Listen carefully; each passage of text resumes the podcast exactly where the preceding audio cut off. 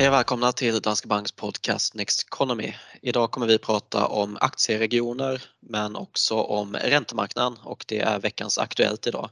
Utvecklingen den senaste tiden har varit ganska extrem. Ja det har den verkligen varit. Räntorna har ju stigit både i USA, i Europa och även i Sverige och ehm, de långa räntorna, om man tittar på 10-årsräntan på statsobligationer, så har den för svensk del gått från 0,35 vid årsskiftet till 1,35 nu när vi spelar in det här i början av april. Så det är en hel procentenhet upp. Och med den största delen av den uppgången här i mars då också. Ja, det har verkligen accelererat den senaste tiden. Och detsamma gäller ju också i USA där räntan gått från 1,6 till 2,6 så att en hel procentenhet där också. Och det här faller ju tillbaka på att förväntningarna på penningpolitiken har, eh, det har ökat förväntningarna på att man kommer strama åt i år till följd av stigande inflation. Så att höga inflationssiffror som förstärkts av det som hände när Ryssland gick in i Ukraina den 24 februari, vilket fick energipriser att stiga, matpriser att stiga och det finns ju andrahandseffekter också av energipriserna. De spiller ju över på allting som produceras och fraktas och så vidare som vi också pratat om innan.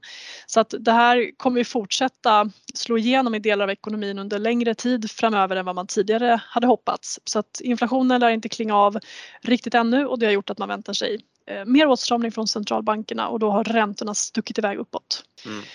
Och något som kan vara bra att påminna om där bara är ju att alltså, räntefonder kan man ibland dra över en kam men det är inte riktigt så att alla räntefonder är likadana heller. Om man börjar med det som kanske har fått den största effekten just nu då är ju vilken duration man har i fonden. Alltså hur pass långa räntor som är i fonden och eh, det kan vara bra att komma ihåg då att eh, olika typer av räntefonder har olika egenskaper som också passar olika bra in i en portfölj. För om man kollar på längre räntor så har det historiskt diversifierat aktierisk bra. Så om man då adderar den typen av räntefonder i en portfölj så ger det alltså en diversifieringseffekt som gör att då portföljens riskjusterade avkastning över tid kan bli bättre också. Mm.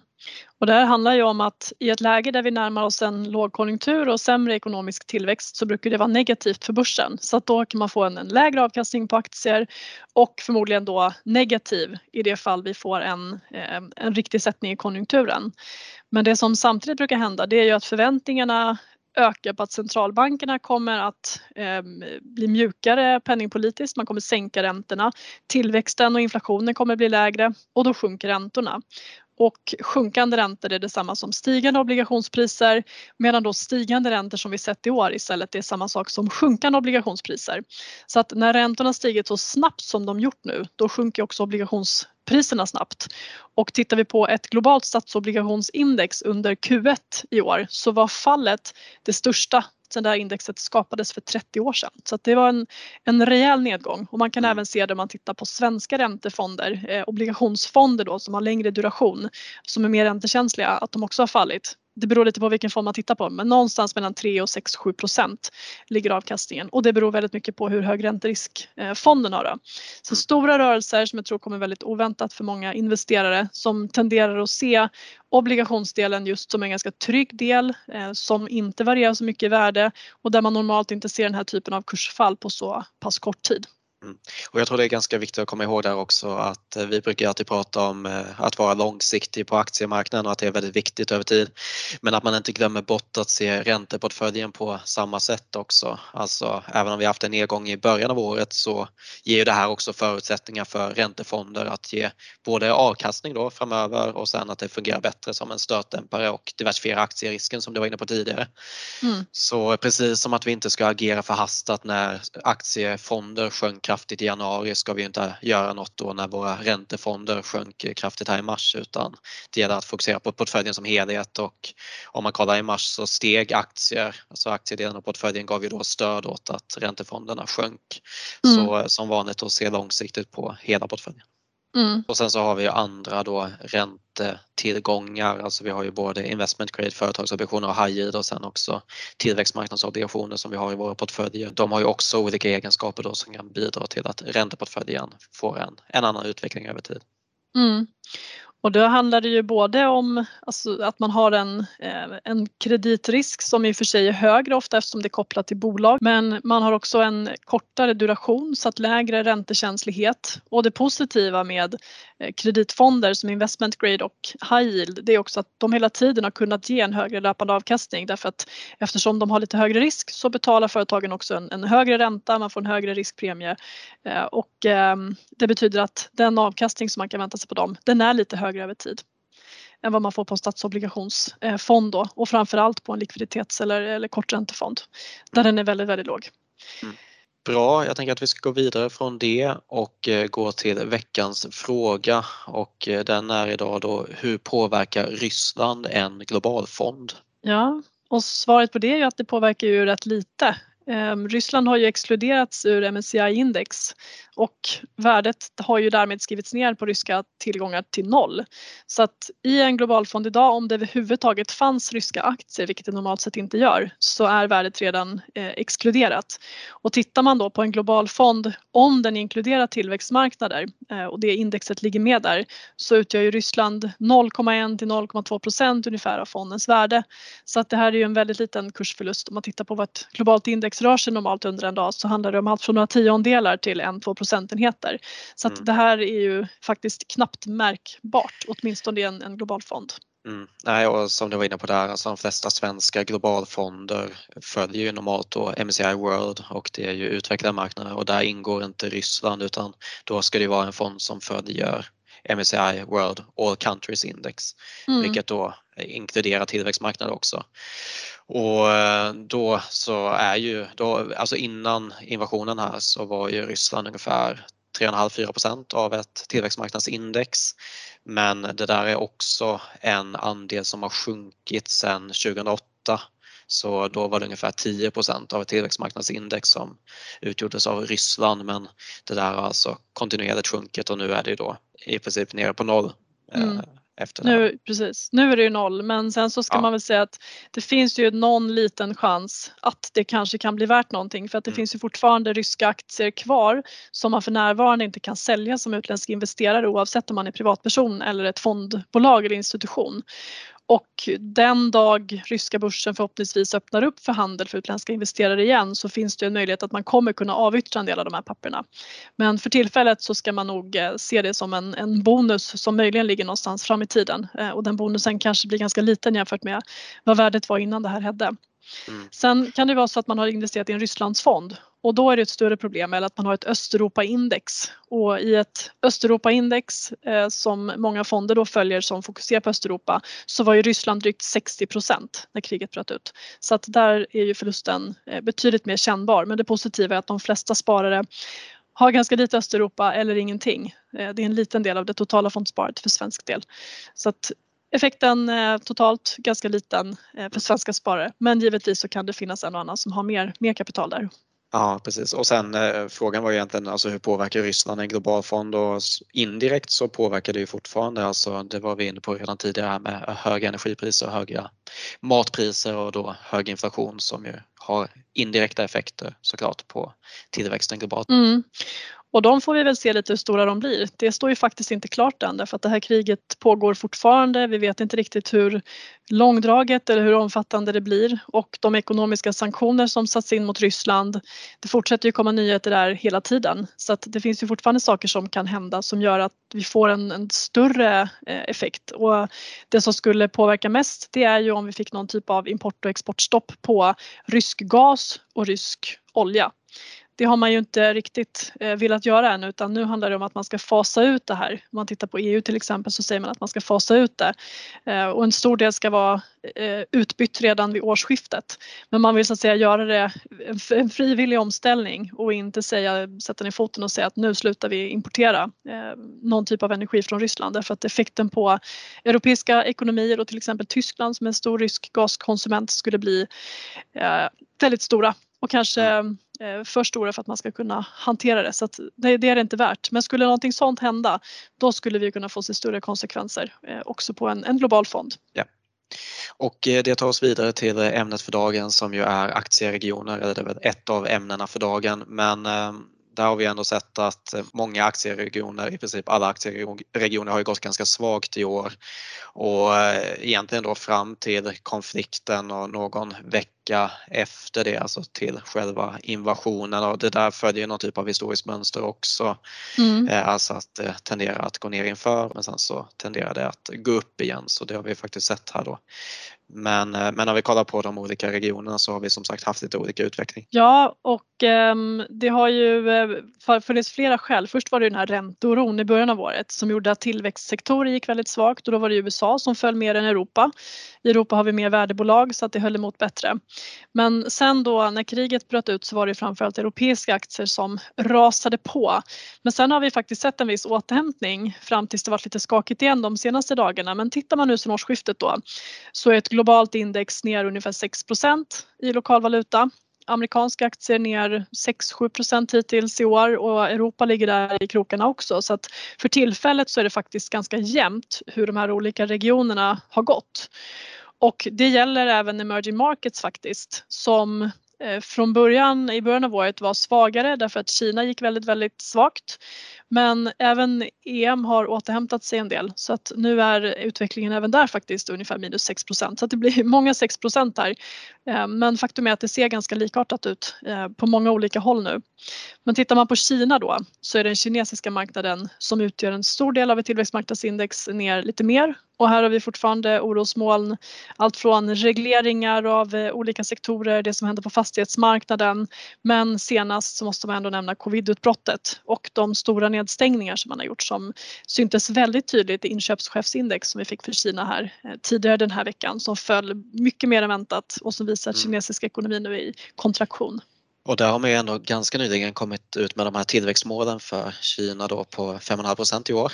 Mm. Och eh, det där vill man ju såklart försöka uppnå så eh, det här är ju eh, något av ett bakslag då i början av året. Ja men det får man säga och tyvärr är det nog så att de där 5,5 procenten kommer bli svåra att nå mot bakgrund av att vi redan hade en svag start på året som man då skulle möta med stimulanser. Men sen så har vi det här coronautbrottet som har blivit mycket mer omfattande än vad jag tror att de hade väntat sig. Och de här nedstängningen lär fortsätta ett tag till för att man verkligen ska få stopp på det. Så att det finns då en risk att, att 5,5 procent blir svårt att nå. Men å andra sidan så kanske det är anledning då att, att gasa ytterligare lite jämfört med vad man hade tänkt sig när man började prata om det här för någon månad sedan. Så att det kan ju ändå ge stöd åt tillväxten och även åt aktiemarknaden så småningom. Mm. Ehm, vi kan väl bara säga också att nu pratar vi väldigt mycket om negativa siffror men det finns ju faktiskt börser som har stigit i år också och dit hör ju, eh, kanske inte helt oväntat, men det är börserna i råvaruproducerande ekonomier som ligger på plus. Så vi hittar Brasilien som en stor oljeproducent till exempel. Vi har grannlandet Norge Kanada, Sydafrika. Så att de, de eh, ekonomierna gynnas av det som händer. Det är en hög andel råvaruproducerande bolag på de här börserna och de har alltså lyft sedan mm. årsskiftet. Mm. Och det är väl också därför som alltså tillväxtmarknadsindex har ändå hållit uppe ganska bra då, även fast Kina är så pass stor del av det och där finns det ju ändå många av de här ekonomierna som är mera råvaror. Effekten på börsutvecklingen är mer eh, korrelerad med råvaruutvecklingen. Mm.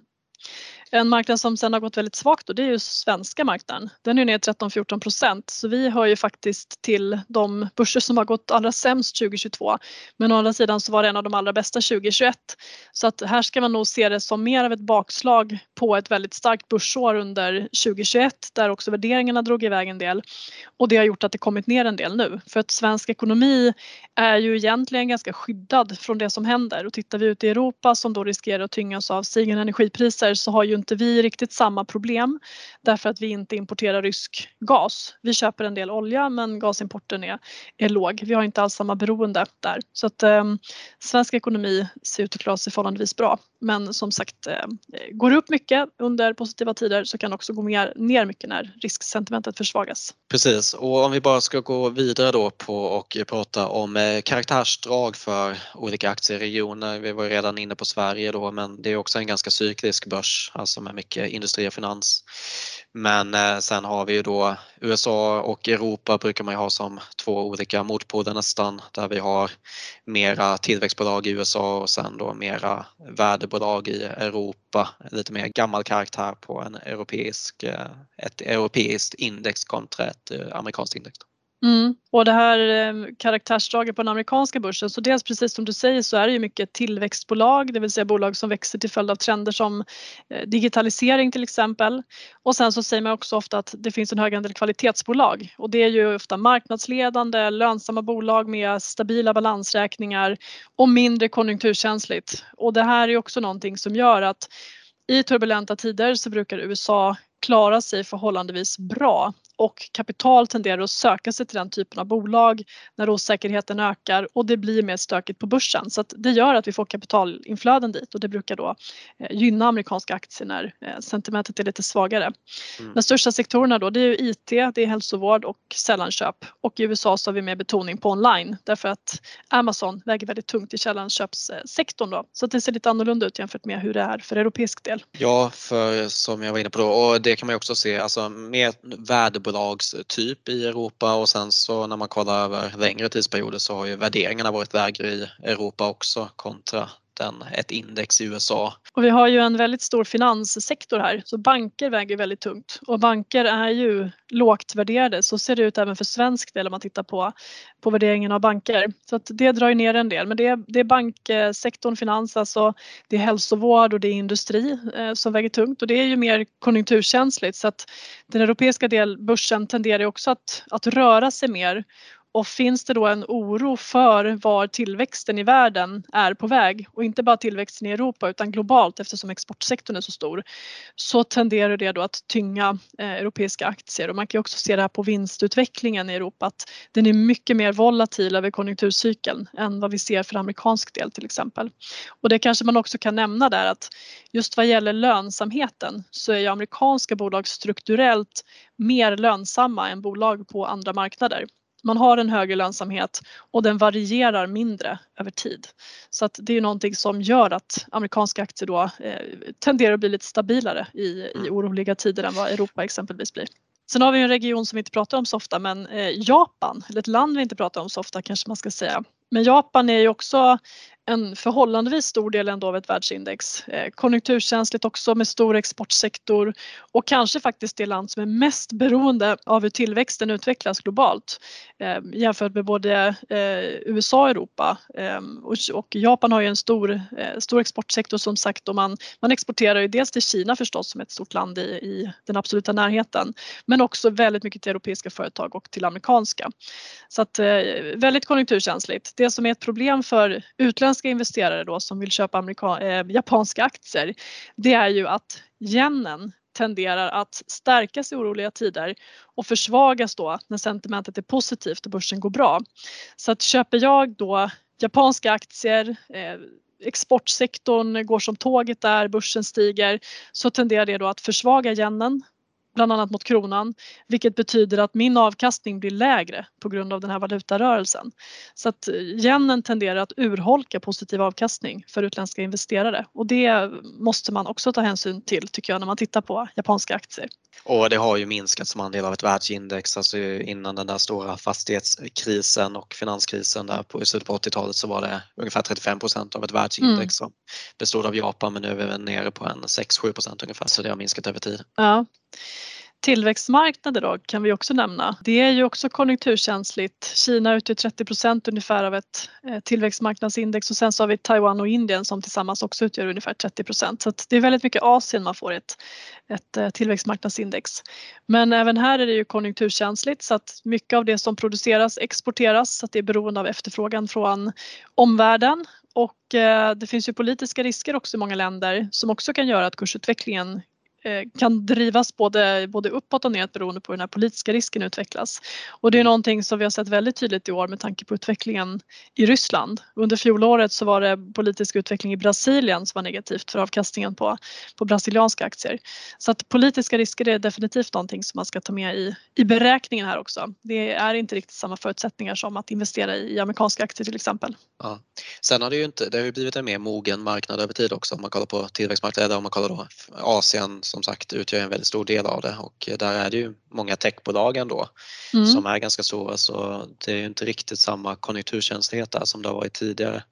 Det har blivit mera karaktärsdrag av en mogen marknad än vad det kanske har varit. Mm. Ja men det har det absolut. Och sen så äh, får man väl säga också att Någonting annat som, som bidrar till, till att det är volatilt eh, trots detta då, det är ju också det här med kapitalflöden till emerging markets. Att det tenderar att styras ganska mycket av sentiment och riskaptit. Vilket gör att i dåliga tider så strömmar kapital ut från emerging markets. Det strömmar också ut från Stockholmsbörsen ofta. Söker sig till amerikanska aktier. Och när det går bra, riskaptiten är hög, global tillväxt är stark, då strömmar det in kapital och det där bidrar då till att förstärka de här kursrörelserna eh, som man kan se. Men det är ju positivt ändå att det blivit mer, mer eh, mer karaktär av en mogen marknad och just se att även strukturell tillväxt har vuxit. Och eh, att i ett tillväxtmarknadsindex så är faktiskt IT följt av sällanköp största eh, sektorer som det ser ut nu. Bra, då har vi gått igenom aktieregioner och eh, då ska vi gå vidare till veckans studie som idag är då Credit Suisse Global Investment Returns Yearbook 2022. Det här är ju alltså egentligen då bara en uppföljning av vad de har gjort tidigare men de studerar alltså data från 1900 och nu det här året har de då även med fram till 2021 och då är det för olika tillgångsslag och den här tidsperioden inkluderar ju det mesta, det är krig och pandemier och depressioner, inflation och deflation och eh, de skriver ett citat där att eh, de som inte kommer ihåg historien är dömda att upprepa den. Och eh, det är väl, kan vara bra att gå tillbaka lite längre ibland så man inte bara fokuserar på det som hänt kanske de närmsta tio åren eller så. Eh, men ja, de skriver om en eh, massa olika teman men det jag tänkte fokusera främst på är ju då diversifiering och eh, obligationsdelen. Så de skriver om varför en 50-50 portfölj ger mindre drawdowns, alltså mindre nedgångar än att bara ha en portfölj med 100% aktier. Och det är då dels för att standardavvikelsen är mindre för obligationer än för aktier och Eh, alltså hur mycket då tillgången rör sig i förhållande till medelvärdet. Och dels då också för att korrelationen är låg. Så korrelationen mellan aktier och obligationer har också minskat över tid vilket gör att den här diversifieringseffekten har ökat så korrelationen har minskat i slutet av den här perioden, alltså mellan 1900 och 2021 jämfört med hela perioden. Så de senaste 20 åren har korrelationen varit negativ i genomsnitt men har varit svagt positivt om man kollar på hela 120-årsperioden. Och det har gällt för de flesta regioner globalt, även för Sverige. Då. Och eh, korrelation har alltså betydelse för portföljens riskjusterade avkastning som vi var inne på tidigare.